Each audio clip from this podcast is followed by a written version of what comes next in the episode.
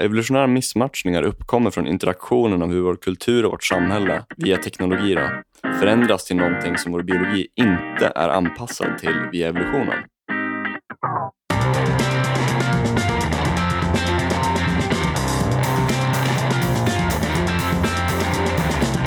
Du lyssnar på 25 minuter, en konversation om personlig utveckling. Producerad av Trade Venue AB. Vi har ett syfte i det här programmet och det är att ge verktyg och inspiration till förbättring. Jag heter Carl Mikael Syding.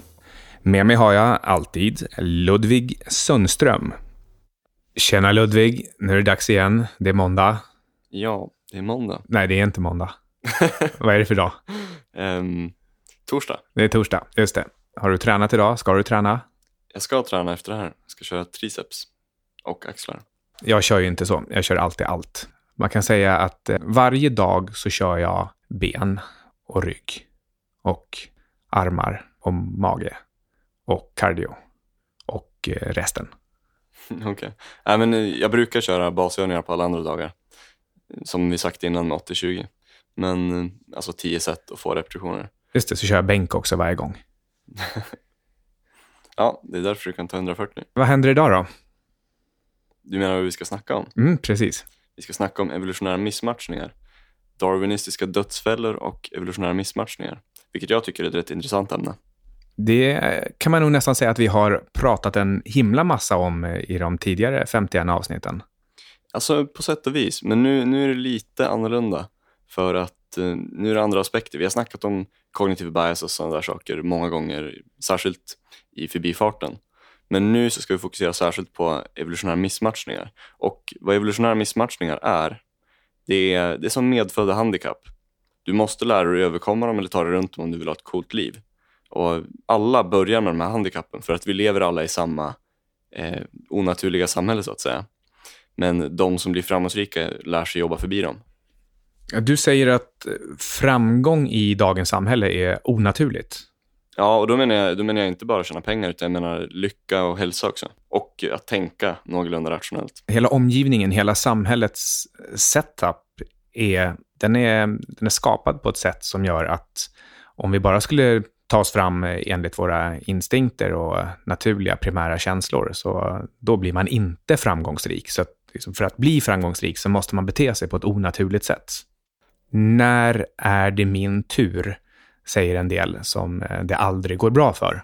Det är väl kanske lite av sinnebilden här. Att det är personer som bara är. De sitter i soffan och så tittar de på tv och äter godis och undrar lite grann, när är det deras tur att bli rika och lyckliga och berömda och allt vad det nu är de vill? Ja, men det, det handlar bara om tur, det är ett lotteri.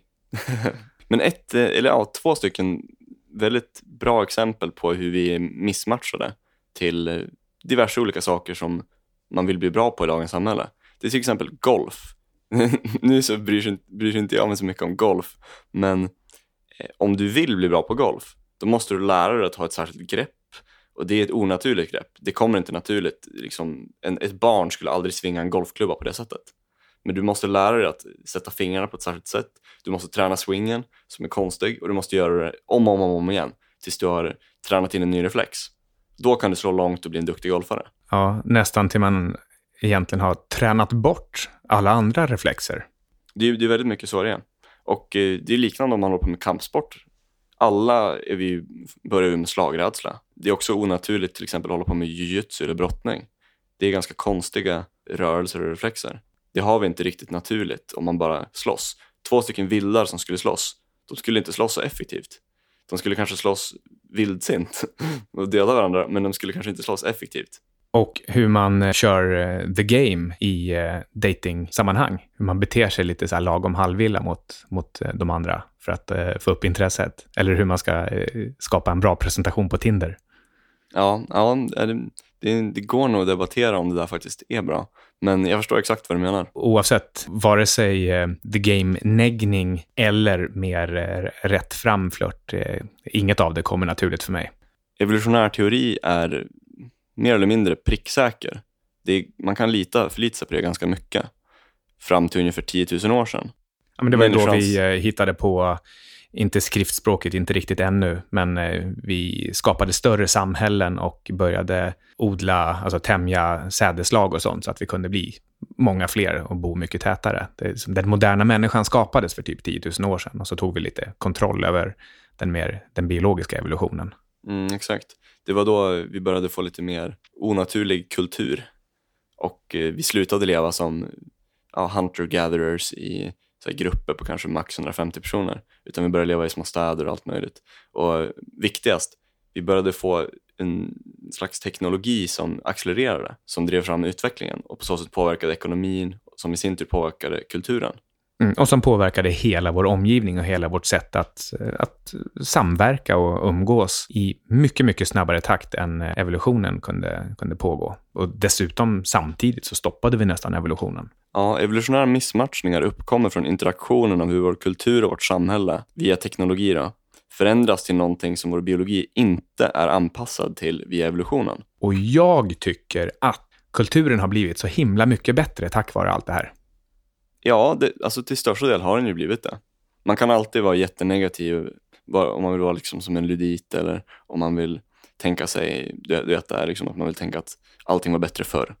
Men det mesta har faktiskt blivit oerhört mycket bättre om man läser på lite. Liksom. Om man tycker att kulturen är sämre eller dålig, kanske om man tycker att det finns eh, alldeles för mycket McDonalds utspridda eller populär musik som bara håller i några månader, så eh, ska man ändå ha klart för sig att både bredden och toppen och bottnarna har blivit eh, mycket starkare. Det finns en bra bok om det här med evolutionära missmatchningar som heter The Story of the Human Body av Daniel Lieberman och det är veckans bok. Det är en jätteväl Eh, researchad bok om, dels är det lite evolutionär teori och sådär, men det är mest evolutionär historia. Allting som har hänt liksom, i den mänskliga kroppen fram till nu och hur det har påverkats av samhället och kulturen och eh, teknologin. Och det, det, mest intressanta är ju det som vi snackar om nu, liksom, ända sedan industrialiseringen och särskilt nu idag, i dagens samhälle, med de sista typ Särskilt, särskilt de sista 20 åren med internet. Jag skulle vilja lite spontant slänga in en annan bok här. Kort och lättläst, The Naked Ape. Jag har för mig att författaren heter Desmond Morris. Mm, gör Den är rolig, lättläst, eh, hanterar sju områden inom eh, liksom, aspekten av eh, det mänskliga tillståndet. Han har angripit människan som en zoolog från en annan planet skulle ha gjort. Lagt upp eh, 200 primatarter och noterat att här finns en naken apa. Vad eh, särskiljer den från de andra? Och fortsatt så, precis som man gör när man studerar djur. Det är inte exakt samma sak som Daniel Lieberman, men den är också en intressant bok när det gäller just evolution och människodjuret. Ja, det där är ju, han var väl zoolog tror jag, precis som Richard Dawkins, han var väl zoolog. Men vi har ju snackat väldigt mycket i tidigare avsnitt om specifikt de här missmatchningarna och så här stillasittande. Ja, det här att vi är dåliga på att hantera långsiktiga, långsamma risker till exempel. Ja, det också. Och eh, vad har vi snackat om mer om för missmatchningar? Onyttig mat såklart, alltså processerad mat och socker, värdelösa omega-6 och omega-3-balanser. Ja, diverse olika sådana här onyttiga matgrejer, processerad mat som vi får i oss tack vare massproduktion för att det är billigt helt enkelt, som, som leder till nya sjukdomar. Och det är anledningen till att de här nya sjukdomarna, alltså allt som man kallar så här, liksom brain fog, till Alzheimers, till irritable bowel syndrome, till candida, till hemorrojder. Alla de här, massa fler sådana här skumma, någorlunda nya sjukdomar som har uppkommit de sista kanske 100, mellan 20 och 100 åren. Det är för att vi äter mycket mat som inte vår, våra magbakterier via evolutionen har utvecklats för. Och även också, vilket är en väldigt speciell form av evolutionär missmatch, det är att vi blir mycket äldre än vad vi behöver. Det gör att vi också kan drabbas av cancer och Alzheimers och sådana saker. Ja, en lustig sidpoäng till det, det här med att vi lever äldre, till vi blir äldre, det är det här med att alltså förr i tiden män antingen så blev de, dödade man varandra inom stammen liksom för man konkurrerade. Eller rättare sagt, man skap, hade dumma bråk och kanske klubbade ihjäl varandra för dumma småsaker. Å andra sidan så dog man när man jagade. Så att det var alltid en, ett överskott på kvinnor jämfört med män. Mm. Så vi, vi är egentligen anpassade för att, vad ska man säga, gill, vi är anpassade för att gilla unga tjejer. Ja, och så har vi pratat rätt mycket om eh, social media, internet och datorer och eh, populärkultur också. Ja, det, det är en jättestora missmatchningar. Men som sagt, vi har nämnt det så mycket innan. Det kan vara mer intressant att snacka om så här, typ, det informationssamhället vi har idag och hur vi är missanpassade till att vara kunskapsarbetare, stadsliv och hur vi inte är anpassade för att ha så mycket ytliga vänskaper, till exempel Facebook och träffa massa främlingar hela tiden i en stad. Och också kronisk stress och brutna återhämtningscykler. Och också vår homeostas och eh, det belöningssystemet som vi har per automatik som styr vad vi är motiverade till. Det är oerhörda missmatchningar som vi inte nämnt så mycket om innan. Vad gäller till exempel det här att vi lever i ett informationssamhälle, så eh, evolutionärt sett så är vi dåliga på att processera stora mängder information. Och samtidigt finns det väldigt mycket lättillgänglig information. Och det, det här leder till en, en, typ av overload och eh, nästan apati i relation till den här informationen för många. Man känner alltid att, man, att det finns någonting mer att lära sig, man känner sig aldrig fulländad. Liksom. Och på ett sätt så stämmer väl det, men samtidigt så är det väldigt improduktivt. Vi har inte utvecklats för att bara ta in information, utan vi har utvecklats för att ta in information, använda det till någonting på ett målmedvetet sätt och sen få utlopp för det och sen ta in mer information. Jag läser en bok som heter Investing Psychology just nu. Vi får se om vi kanske tar upp den i något kommande avsnitt. Men en sak i inledningen av boken tog upp just att när man gör undersökningar på investerare och mängden information de får, så, så finns det en, en typ av klockkurva associerad med det här som gör att man, blir, man tar bättre och bättre beslut i början med mer och mer information. Men sen kommer man till en viss punkt då när man erhåller ännu mer information som faktiskt kan vara relevant. Så ja, då, då kommer det här overload-fenomenet in och eh, placerarna tar sämre och sämre beslut.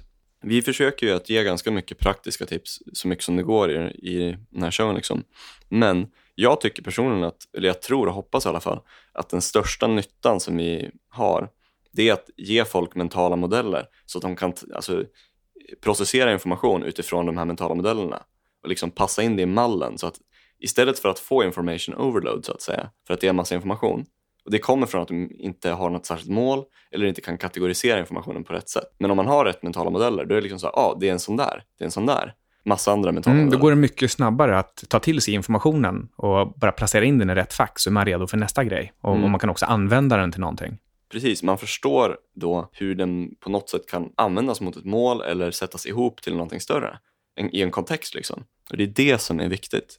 Vi har ju också levt i samhällen där det finns en, en stor auktoritet, en slags eh, superprimat till exempel. Och man kan också visa med undersökningar att vårt eh, ifrågasättande stängs av när det finns en auktoritet som ger order eller, eller kommer med förslag det här är inte så bra i ett informationssamhälle där tanken är att man ska ta objektiva beslut och tänka rationellt om saker och ting. Om, om det här då stängs av bara för att det kommer en auktoritet eller en upplevd auktoritet och säger någonting, så då hamnar man snett. Ja, eh, problemet där det är så att vi använder vår neocortex, alltså den, så, den stora delen av vår hjärna som, är, som gör att vi kan tänka och göra modeller av saker och tänka flera steg framåt och visualisera framtiden den delen av vår hjärna, den används, det är inte som att vi medvetet använder den för det här ändamålet, men omedvetet så används den av nästan alla människor bara för att försöka passa in och för att försöka undvika att ta sociala risker så att man förlorar social status eller blir, inte blir omtyckt av någon av det andra könet eller kanske den här bossen som du snackar om. Vad man egentligen borde använda den till, det är att eh, försöka tänka ut nya värdeskapande idéer en mental modell man skulle kunna ha här är Pippi Långstrump. Tänk dig att du är Pippi Långstrump. Nu, nu råkar det vara så att jag känner mig lite som Pippi Långstrump varje gång jag går tillbaka från gymmet, för då går jag typiskt sett i jobbsnörskor, men i gymkläderna, shorts och t-shirt. Och eh, inte allt för sällan som jag har omatchade strumpor heller, för att jag har alla strumpor i en låda. Jag orkar inte bry mig ifall de matchar riktigt när jag plockar dem på morgonen. Och, eh, så jag ser ut som Pippi Långstrump. Det är ett bra sätt att inte anstränga sig för att till exempel passa in. Tänk också i termer av Pippi Långstrump och eh, auktoriteter. Hon accepterar inga auktoriteter. När det gäller eh, populärkultur så är det knappast så att hon eh, lyssnar på saker eller gör saker för att passa in. Nästan tvärtom. Eh, så egentligen det praktiska tipset här, det är bara att när du känner det här hur bekvämt det är att följa med strömmen eller, eller lyssna på en auktoritet. Så försök bara, försök sätta stopp och fundera över om det är rationellt eller inte. Det där är ett bra tips. Men jag kan inte komma över faktumet att du jämför dig med en eh, påhittad liten tjej. med eh, strumpeband och omatchade strumpor. Men en till, en till sån här ganska stor evolutionär missmatchning som jag tror många personer lider av, det är det här med kronisk stress. Att stress byggs upp och anledningen till att stressen byggs upp på ett sätt som den inte gjorde förr i tiden, det är för att eh, dels har det att göra med det här med att många personer kanske inte har så jättebra kontroll över sina känslor. För mycket stress som vi har är upplevd stress. Det är inte riktig stress som faktiskt behövs för att vi ska kanske gå in i slagsmål eller lyfta en tung vikt eller förbereda oss för en presentation. Utan det är så här skitsaker, tankar som bara, negativt tänkande som upprepar sig och så här, typ du är ful, du är äcklig, du har inte tid med det här. Trista tankar som bara tar upp energi och är tråkiga och stressar upp en. Andra grejer, det är så här saker som alla lider av, typ artificiellt ljus, diverse droger eller kemiska substanser i mat, kaffe, stimulant, stimulantia, sådana saker som vänder på dygnsrytmen, saker som bryter ens biologiska klocka. Och som motmedel så finns till exempel olika andningsövningar och meditation och sånt. Men, men de kommer ju inte heller naturligt. Det kanske de gör. Vad vet vi vad stenåldersmänniskorna gjorde? Men visst, eh, visst har man lite svårt att se framför sig att de satt och medvetet eh, fokuserade på andningen och mediterade. Ja, hur, det, där, det där kan man spekulera om, men hur som helst så är det ju, det är ju ett faktum att de flesta personer i dagens samhälle behöver lära sig att meditera, behöver lära sig andningsövningar. Och det är ganska komiskt att vi har kommit så långt ifrån vad vi naturligt, eh, kanske i alla fall, man kan gissa att vi naturligt kunde andas på ett naturligt sätt. Eh, och idag så måste vi träna oss till det. Eller med en sån sak som eh, du sa tidigare, att det anses naturligt att gå och äta en hamburgare eller tugga ur en godispåse. Men kommer man och äter på ett knippe spenat så ses man som lite konstig. Och sätter man sig och mediterar mitt i, i stadslivet någonstans, då tittar folk också lite snett på en. Kanske inte lika mycket nu som eh, för ett tag sedan, men, eh, men ändå lite grann tycker jag att det där är en, det är en kuf, en konstig typ. Och samtidigt så är det ju att gå runt och äta bladspenat eller, eller sitta och meditera, det är ju det som är det nyttiga och det bra och det som borde vara det normala. Du nämnde det här med konstant stress innan och då bara kom jag att tänka på en sak som panikångest. Det här är ju säkert någon typ av välfärdssjukdom. Det slog mig nämligen för några dagar sedan att jag har bara känt till en enda person ha panikångest vid ett enda tillfälle och det är ungefär 20 år sedan. Och sen plötsligt häromdagen så fick jag veta av en person till i min närhet som, som har haft panikångestattack. Så då plötsligt så dubblades min egen erfarenhet av hur många i min närhet som haft panikångest. Eh, och jag trodde annars att det här har ingen, det är bara en slags någonting, någonting påhittat som är i tv-serier. Men, men eh, den här personen sa då att nej, men det är typ nästan alla hon känner har haft någon typ av panikångest någon gång. Ja, jag vet inte riktigt vad jag vill komma med det, men det, det, det känns som att det kanske är kopplat till någon typ av onaturlig stress som vi har i vår tillvaro samtidigt som det inte finns något riktigt naturligt ställe att få utlopp för den. Mm, jag kan tänka mig att det är så.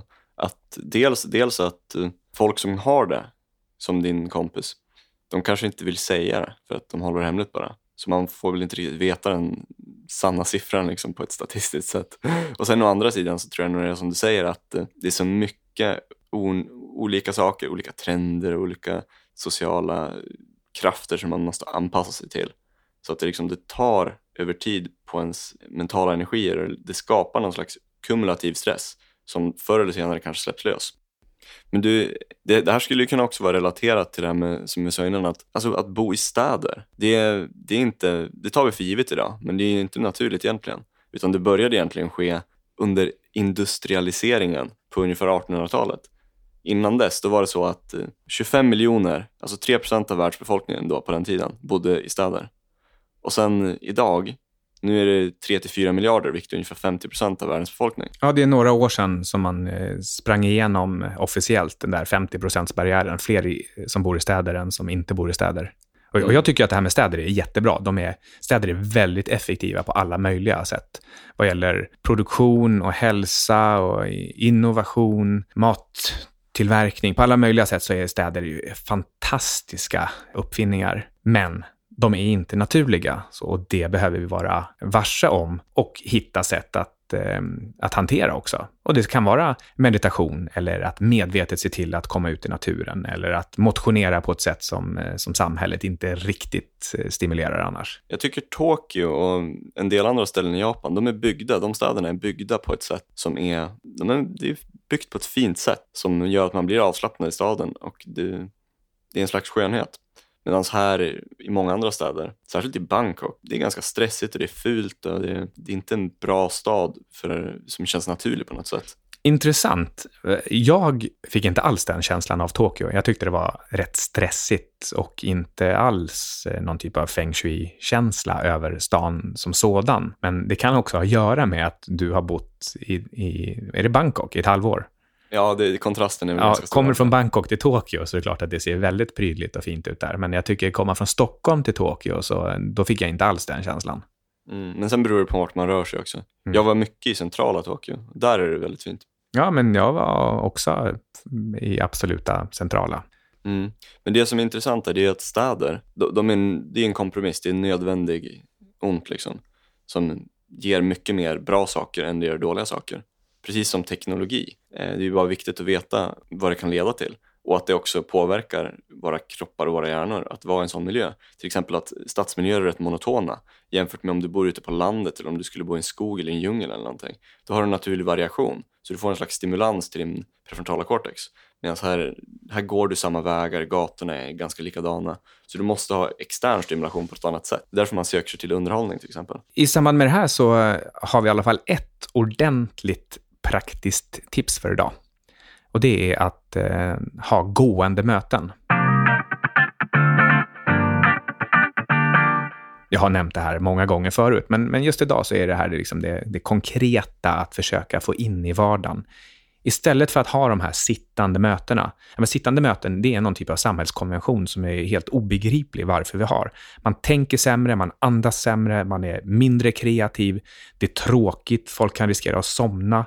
Det finns alla möjliga dåliga saker med att sitta. Man kanske dessutom blir sugen på att stoppa i sig sötsaker och dricka extra mycket kaffe. Och, ja, allting ackumuleras och förstärker varandra i dåligt beteende. Att istället gå till närmsta park eller bara promenera runt kvarteret, givet att det inte är för bullrig miljö.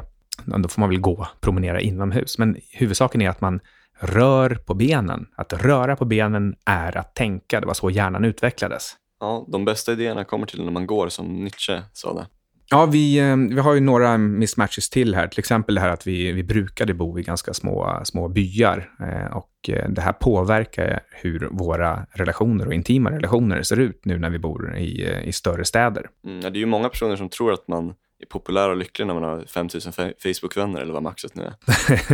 ja, snarare så kan man faktiskt till och med visa att man blir olycklig när man har vänner, särskilt vänner som har ett mer spännande liv eller lägger upp häftigare foton och, och det här bara liksom gnager i dig och din vilja att tävla med dina Joneses.